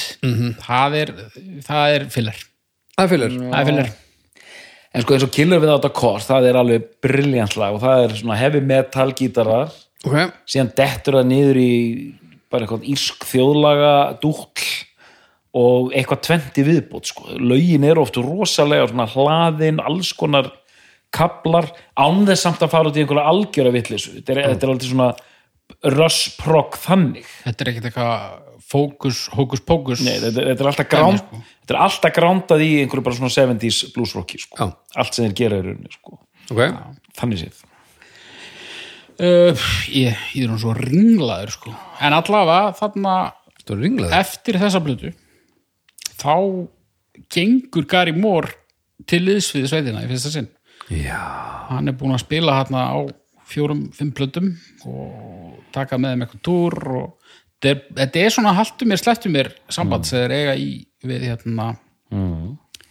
heyrðu við glemdum að neymdroppa hérna í, í, í nonni refur plötunni, það er náttúrulega Phil Collins mættur, ha, já, hvað er hann að gera? hann er hann er tillaður percussion og það er ekki eins og sagt í hvaða lægi Já, ótrúlegt sko. Og þeir muna ekki sjálfur í hvaða lögum hann spilaði. Ó, já, En hvað um það? Uh, já, Garmur það og þarna kemur uh, í fyrsta sinn tveggja ára breyk milli plata. latir. Bad Reputation 77 og svo kemur Fucking latir. Black Rose 79 79. og sko pælum aðeins í því miða við sko yfirlýsingar mínar hérna í, í síðasta þar síðasta þætti um ár sem enda á nýju já, og svo náttúrulega þá gaggrinni sem ég fekk já, á allir smá fjæðra fóki Já, Já, það Tröst, var ekki alveg Trösti Júliusson hann, hérna, brósamála hann var ósamála og sérstaklega með árið 1979 Já, og ég skal segja ykkur það og þér Trösti að ég var svo ég var, ég var, ég var einum tíunda úr hænuskrifi frá því að velja Black Rose frá því að velja plötu frá 1979 sem best plötu fyrir það hefur verið rosalegt sko. En hérna og það, það eitt og sér hefði eiginlega verið bara næga ástæða til að velja hana en, en ég ákvaða samt að til, til að friða Trösta Júliusson Nei, bara til að hérna, það hefur verið eitthvað svona Loka þessum Eitthvað ring. Rétt. svona, svona symbolist. Já, Loka þessu, loka þessum ring. Sk- Skammarinnar. En nei, ég hérna ég rendi þeim báðum bara í röð í morgun. Bara, já, hugur, nú verður að fara þig tókst þeir frí í vinnunni? Nei, Nei, ég þessar hérna, lendi í smá svaðilför í morgun sem að tók svolítið langa tíma þannig. Nú býttu nú við, hvað gekk á? Æ, Arna fór í vinnuna með likla að tveimur bílum í vasanum sko.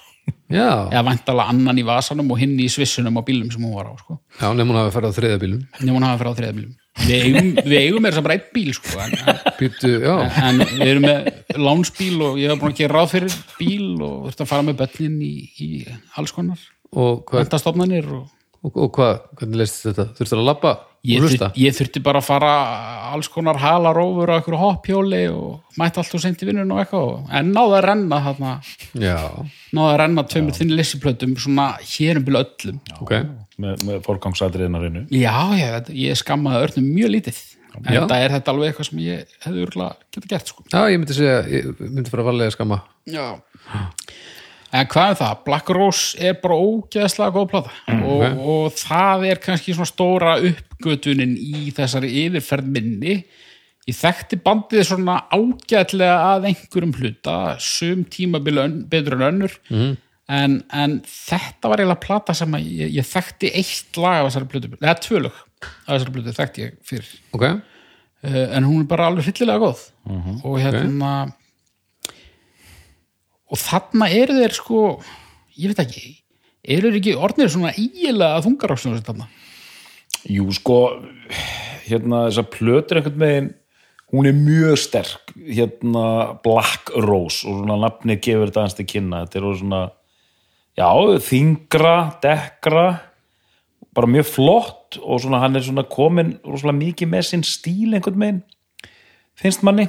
Mm. og hérna, en, en þú veist já, það er alltaf svona, er svona sleikt utan í þungarokk í, í völdum lögum, sko, en þetta verður aldrei almennlegt þungarokksband finnst mér, mér finnst alltaf að vera hardrock hardrock megin í lífinu alltaf, Já, já. sko, en það er alveg sko, það er, það er svona hendi í einhver geðveika riffa, riffa gjörninga annarkvort út heilt lag eða þetta poppar bara upp í viðlæðinu sko. Já, en það er svona, þetta er alveg en þeir ná aldrei að fara Judas Priest hérna þú veist er band sem byrjar að gera einhver, einhvers konar svolítið hard rock en taka skref á annar eða þriði plötu bara yfir í fullblón þungarokk sko og horfa aldrei aftur um öxl Já, já. sko.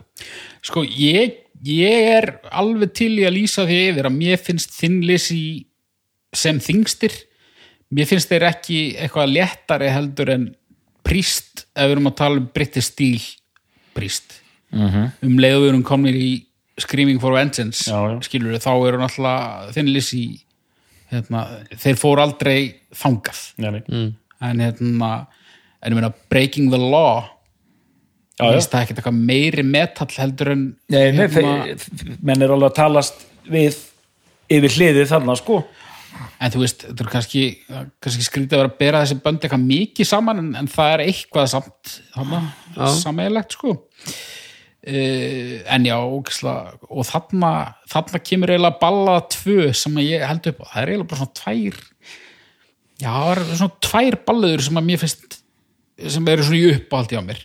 Það er hérna, það er samt eiginlega pínu ógislegt lag, það er hérna Sarah. Já, mér finnst það gott. Það er gott, en það er líka ógeðslegt. Já, það er ógeðslega væmið. Er það? já, alveg hryllilegt Þetta er eins og þarna en það er bara svo vel samið.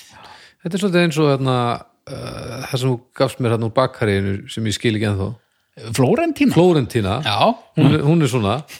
Já, ógeðslega, ógeðslega væmin og sætt en samt greinlega eitthvað í þessu. Já, já.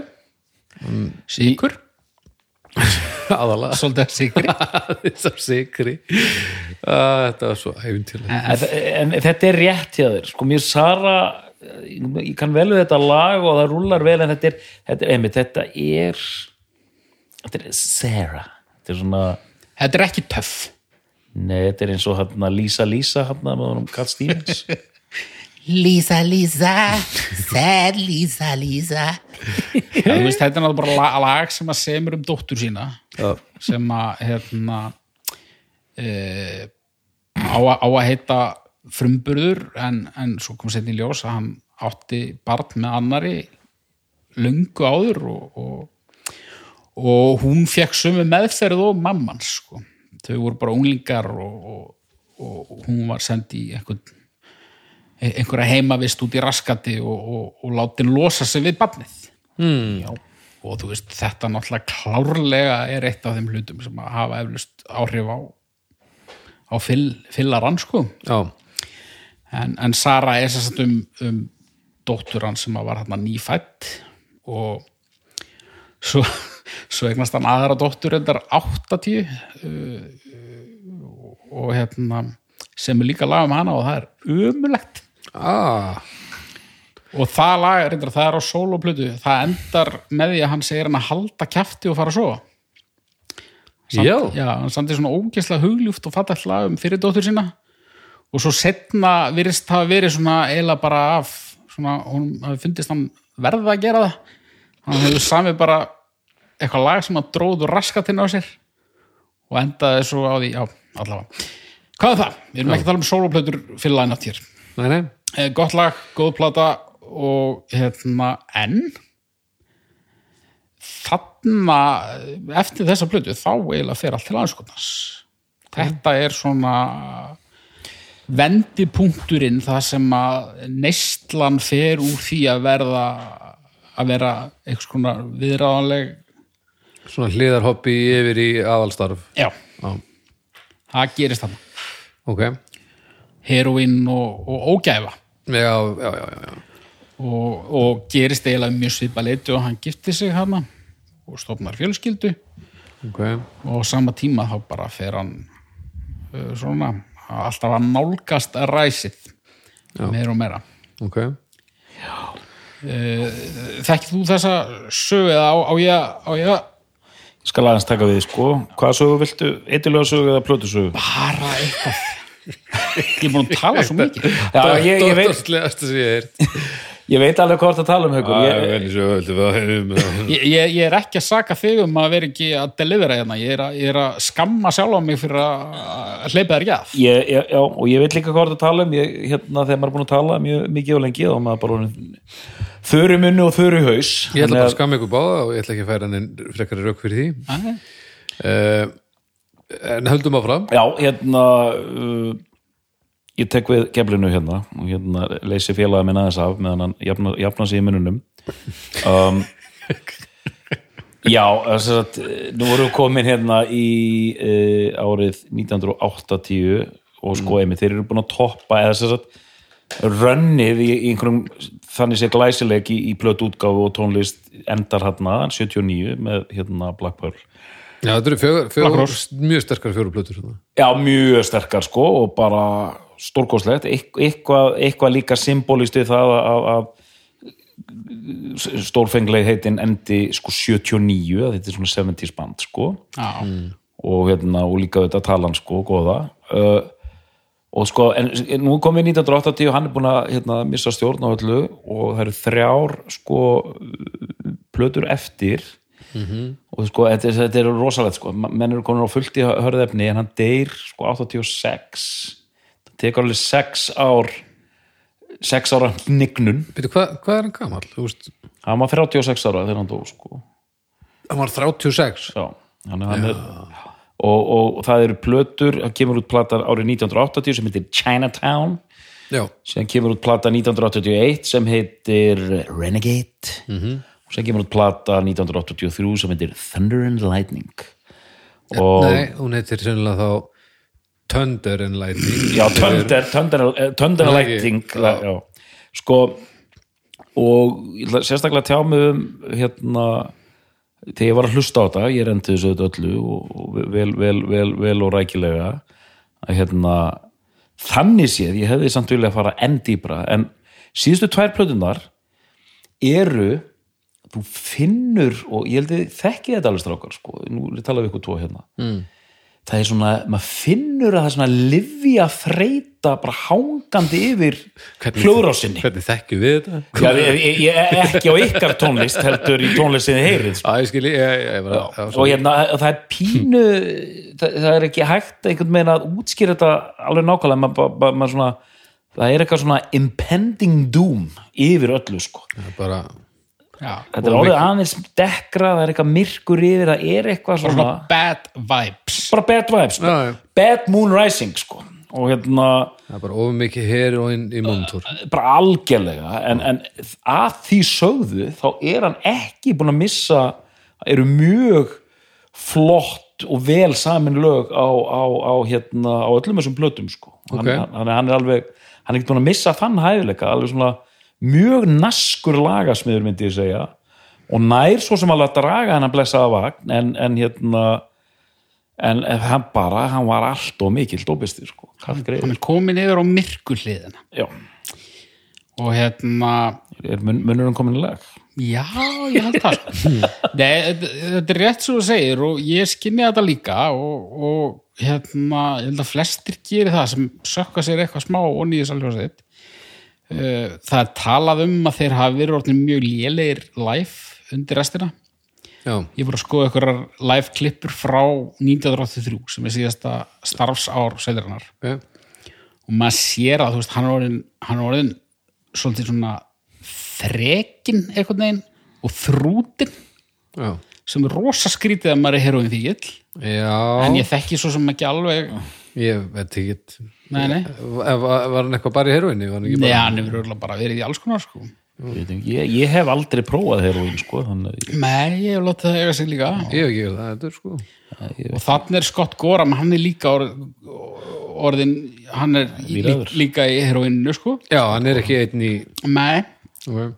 ef þú heitir Scott Gorham þá endar í það er alveg Klárlega. sko. Já, En? vissar að rekna með því en það er bara þvættingur að þeir hafi verið orðin lélegi læf ah, já, Þeir eru bara þrútnir. Þeir eru bara þrútnir og þreyttir. Annað. en bara óaðfinnanleg spilamennska allavega í þessum klippum sem ég er að horfa bara Já, já. bæði spileri og söngur sko. hann, hann slæri ekki fylgnótu ég horfði á nánast heilt gig sko. Það eru fylgnótu ó jésús þannig að, þannig að það er kjátaði en kannski má finna dæmi um slæm þeim alveg örgulega en, en hérna en þeir ákveðurinn bara að segja þetta gott þarna. Þarna, Gary Moore, hann alltaf staldraði stutt við hann eftir Black Rose. Já, hann er ekki þarna. Með þeir fá hann John Saggs John Sykes Snowy White var einn. Snowy White? Já, ha, hann, hann kemur á Chinatown held ég og John Sykes er það ekki Whitesnake gæinn? Jú. Það er White Snake meðlur einhver. Um byrju nú, hvað sagður Snowy, Snowy White? Nei, fjandinn hefa, nú byrju ég það að tekka þetta. Hvernig anskot hann var snu hann var hérna Já, var hann Pink Floyd eitthvað líka? Já, spil, spila eitthvað eitthvað, eitthvað einhver journeyman sko, einhver veteran sko. Hann var eitthvað, já, með, hann fekk að vera með í vegnum og eitthvað og svo er taka þér hérna hennan túr með Midjúr og, Snowy White. Og eru konum með hljómborsleikara hann og, bara allt eitt í sig. En hérna en þeir ákveða þess að bara segja þetta gott. Taka bara loka túr 83 og leggja bandið niður. Ok. Og hérna hann gefur út tvær soloplötur eina 80 og eina 82 hmm. gerði nú ekkit stóra hluti og En er það alltaf leið? nei, það er ekki frábært sko. Fyrir utan alltaf listaverki þarna um, um dótturnas þær eru bara svona já, þær eru bara svona bara svona, með já ég ætla ekki að segja hamfara pop sko, en þú veist þetta er svona er svona skemmtara bragur yfir summaðana sko. En sko, síðan eitt þekktasta lagi hans og það sem er að skora mjög hátt til dæmis á Spotify er, er hérna lag sem hann gerir með Gary Moore sem heitir Out in the Fields. Já, sem gefa út saman sem smáskjöfu já, okay. það, var, það fekk mikla spilun sko. þannig að hann hjælt sér alveg uppteknum sko en, en svo sem sagt í rauninni um svipaleiti og hljómsveitin leysist upp þá, þá leysist hjónabandið þess upp. Ok, og hann bara þú veist hættir að heyri í félögum sínum og er bara orðin er bara einhverju dópu og rugli hann í London og, og í þrjú ár af því að, já, tvö, þrjú ár. Já. Svo gerist það á jóladag 1985 hann er í einhverju sukki með Jimmy Bain sem var bassaleikari Dio. Já, og þeir eru þarna og möguleg einhverju fleiri. Ok. Og hann sem sagt overdósarinn á baði. Og Jimmy þessi bein hann í staði fyrir að ringja á lögguna eða, eða neðalínuna lætur þessu bara hverfa. Bara, er í gangi? já. Hann bara, Það var nú ekki beint með bein í nefinu. Nei.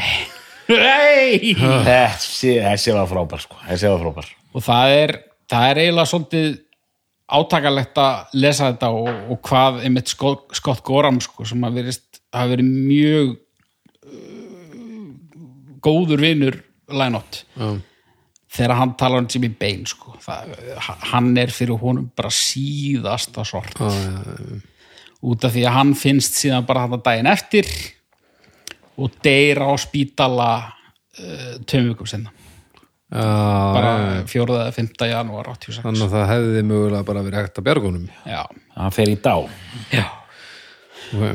og hérna og já, þetta er bara umulegt uh, náttúrulega ekki fyrst og ekki síðasti rockar þessi deyr en það er eitthvað svona það er eitthvað ekstra harmur þarna út í að það hefði ekki þurft að gerast -hmm. hann á þarna tvær mjög ungar dætur og, og, og gríðarlegt talent og, og það virðist sem einhvern veginn, þú veist, hann var búinn að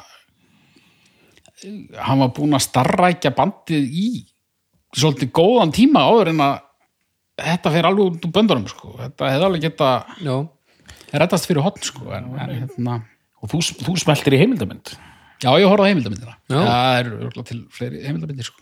Uh, einhver hvers á stóðana? hún kom út í fyrra þetta fyrra Ok, uh, stórt production eða? já það er talað við sko ég saknaði þess svolítið að sjá ekki viðtölu við hérna trommaran hann verðist ekki að hafa tekið þátt en það er hann viðtöl við sko uh, konun hans við hérna, Erik Bell hérna, fyrsta gítarleikaran mm. uh, mikið talað við Goram og svo eru þarna Huey Lewis er mættur og, og, já, já. og Adam Clayton er mættur og James Hetfield er mættur og allt gengið sko og, og dætur hans. Og þá skal ég segja ykkur þá fór ég að gráta. Fórstu? já, þú beigðir af. Ég beigði heldur betur að já bara, já.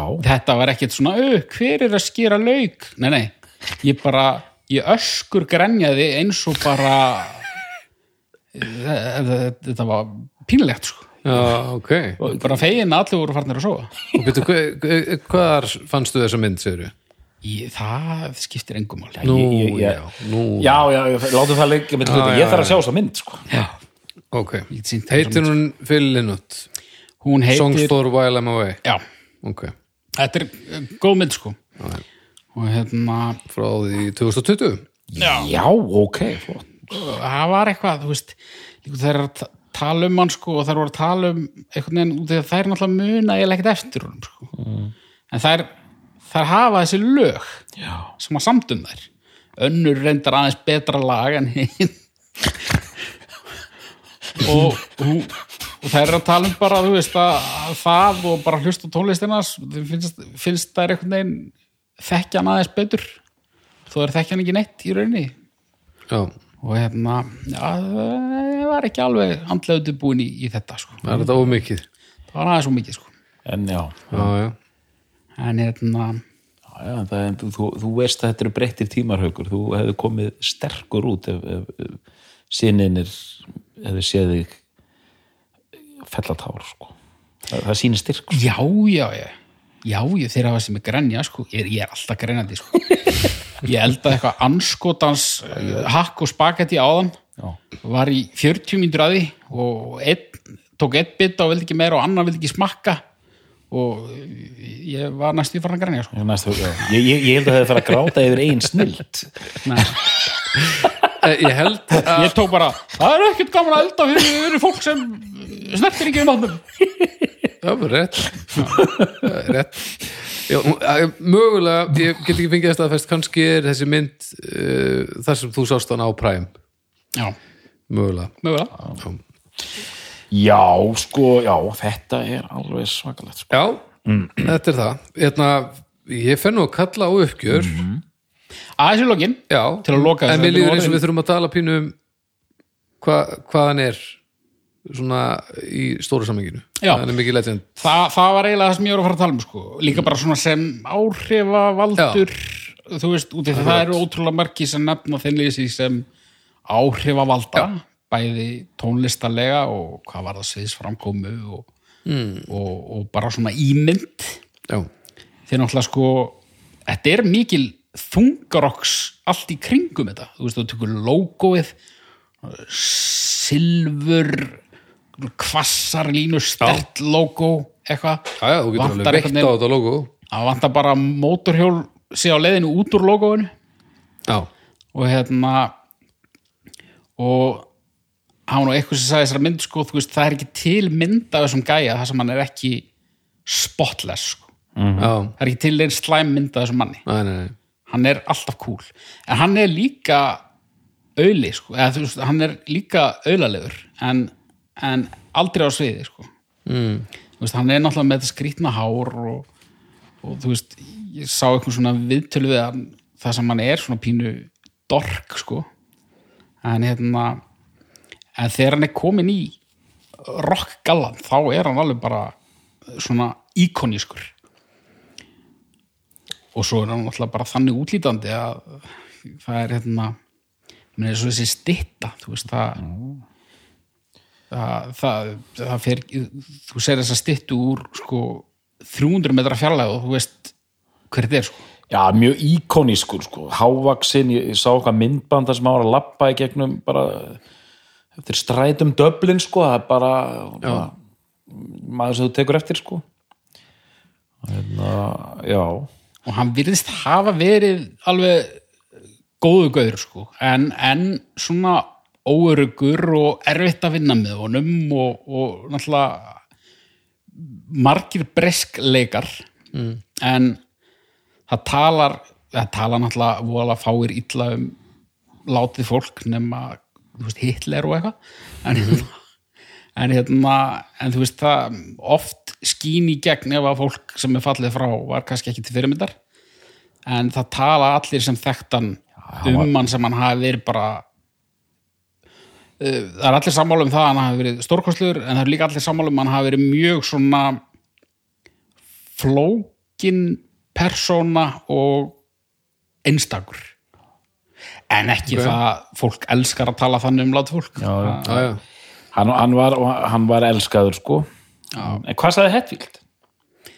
Hetfield það var nú ekkert mikið tala við Hetfield sko en hann, hann hérna, var bara einmitt að tala um hérna svona bæði lagasmíða hæfileika og, og bara þetta myrkur sem að sem að höfðaði til hans. Svona maður sem að fær útrás fyrir myrkur hliðarnar sínar í, í gegnum tónlist. Mm. og þú veist ég er James Hetfield tala um Phil Lynott í þúsund viðtölum áðurinn að undirbúa þennan þátt sko. Hann virðist vera mjög mikið aðdáði og svo náttúrulega gáður út hann þetta cover af coveri sem, að, já. Sem sló hann í gegn ekkert tjóman Viski inn þetta er já, Sætla minninga. Sætla minninga. Leiðilegt lag svolítið. Já, lang, á bara að vera spila bara trat í einhverju smáþorpi. Já, og það líka leiðilegt með þinnlýsi sko. mér finnst það eiginlega leiðinlegra með þinnlýsi heldur en Metallica sko. Já, þetta á bara að vera með einhverjum, einhverjum gömlum íra sem deyr á eftir sko. já, það á alltaf að vera með honum. En þú veist mörg margir frægir tónlistamenn og konur og bönd hafa coverað þessa tónlist og, og gera enn í dag sko. þannig að þetta er en þetta er samt svona það er, það er eitthvað svona smá köld dæmi sko. En sér líka sko, hann hefur greinlega verið gríðarlega sérmennandi og, og bara indislögur og hérna og þú veist, hæfileikaríkur, deyr ungur og það er alltaf með mönnum sko. Það þyrfti eiginlega sér þátt í að tala um þetta og kannski gerum við það einhvern tímann að hérna sagan er að nær aldrei í gegn. Hérna að þú veist, síðustu fimm árin hafa þetta verið algjörlega umurleg sérstaklega fyrir aðstandendur. Þannig að hérna, það, það, hún, svo saga er aldrei sögð sko. Sérstaklega gefur pakkari sinni einhverja heimildamind þá ertu bara með þessa glansbita En varðan mjög erfiður í samskiptum og í lífinu að því hann, hann held þessu þokkalega á beinunum hann með virðist, bandið hann virðist bara svolítið hafa köttað á alla sko. bara horfið já, bara þú veist alla nema bara neyslu Já, félagana sko. já, skilji Þú veist, hann var ennþá giftur og, og, og einhvern veginn hún var bara heima í Dublin og hann var bara í íbúðinni sinni í London og Já, já. heyrðist ekki í honum vikum saman sko. skilji en hérna Já, þannig að þetta er bara eh, þetta er bara harmur, mjög, mjög sorglegt sko. mannlegur harmur en 12 plötur á 12 árum það er þetta er flott þó að fjórar að þeim séu ekkert spes. Það er gott hlutfall sko. Herri, nú ætla ég að kalla á hérna, uppgjörið sko. Ég er sem að byrja þér doktor í tónlistafræðum. sko uh, mér finnst það rosalega gaman að fara inn í þetta loksins. Hérna uh, hlakkaði mikið til og naut ferðalagsins. Ég náði ekki að brjóta niður ég náði ekki að brjóta hvað segir maður? Ég, ég náði ekki að leysa gátuna.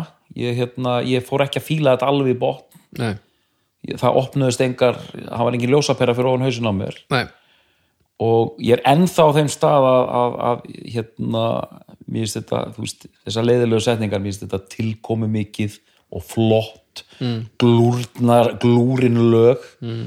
bla bla bla en svona, ég fór ekki inn í kjarnan sko mm. en ég lærði miklu meira, ég, ég var meira svona bara, já, þetta er skemmtilegt hard rock band ég vissi ekki að væri svona meira svona advanced og hérna bara, en bara gaman. Ég, ég enda á að segja jailbreak. Uh, aðrar plötur sem voru í mixinu hjá mér voru hérna Black Pearl og hérna Rós Black Rose og uh, Bad Reputation. Ég líka svolítið skotin í hérna Fighting, mér finnst hún líka svolítið skemmtileg og falleg sko. Mm.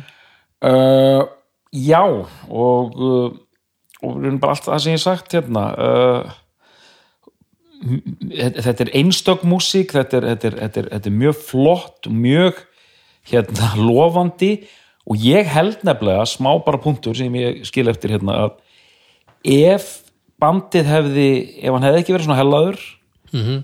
og hefði haft vita á því að strömlínulaga lögin aðeins betur svona í early 80s -hmm. þá hefði þeir geta orðið bara næstu polís eða, eða þeir hefði geta orðið risastórir í 80sunur já, já, þeir voru alveg með það, það, það tækifæri sko. Ok. Að hérna, maður heyrir það bara. Þetta var aðeins svo mikla dúllur í kring að þeir hefðu bara strömlínulega þetta gefið út einhverja monster plötu 82 þá hefðu sko pólís verið að upp fyrir þá sko svona mid-80 sko. En það er ekki þú getur ekki fengið allt. Ég segi takk. En fyrirgeðu þaukur, er, er, ertu samanlega þessari kenningu minni? Uh, ég er allavega sammála því að þeir áttu alveg þeir áttu meikið inni sko. Já, uh, ég veit ekki hversu stórir þeir hefðu ekki orðið þannig að það vinnur ekkit held ég rosalega mikið með þeim að vera svona miklir írar og svona að hann sé svona mikið skáld. Já, hann, þú veist þetta pörupilta element sem þeir náð þarna á tímabili -hmm. Það er alveg feik sko. Já. Maður skinjar það pínu. Þetta er svona, þeir leggja frá sér hnúi þegar þeir koma heim. Já þetta er svona teiknimynda hættulegt meina, það þarf ekki að taka þú veist það bara boys are back in town. Þú veist það er það er ekki hættulegra en svo að það gæti verið spilað í stoppdansi á einhverjum leikskóla. Það myndi engi kipa sér það. Það er rétt.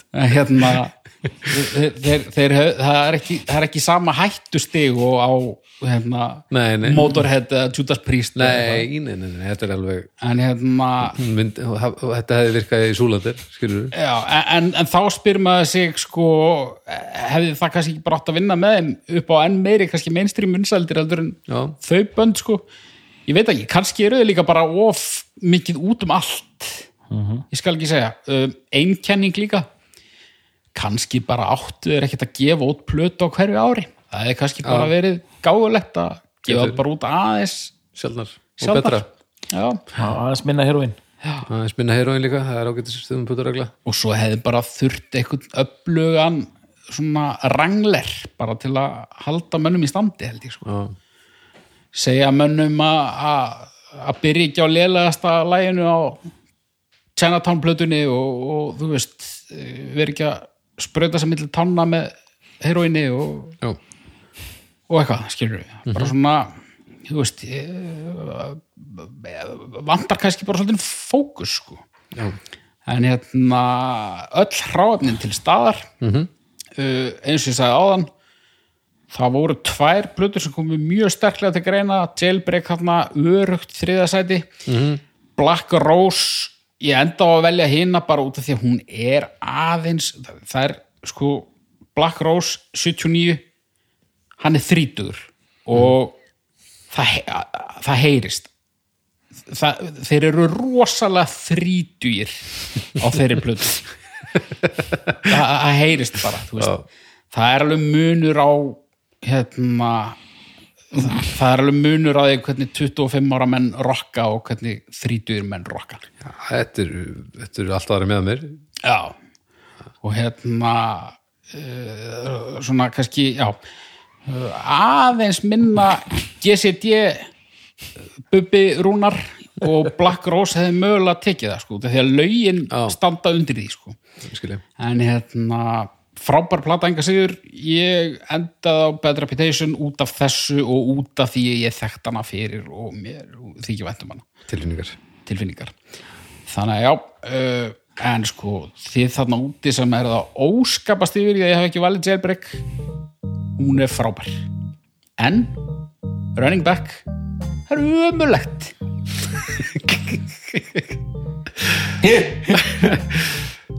þannig að, aukur er þetta besta plata þinn Lizzy? já, Doktor, er þetta besta plata þinn Lizzy? Nei, Við þakkum fyrir í dag og við heyrumst að viku liðinni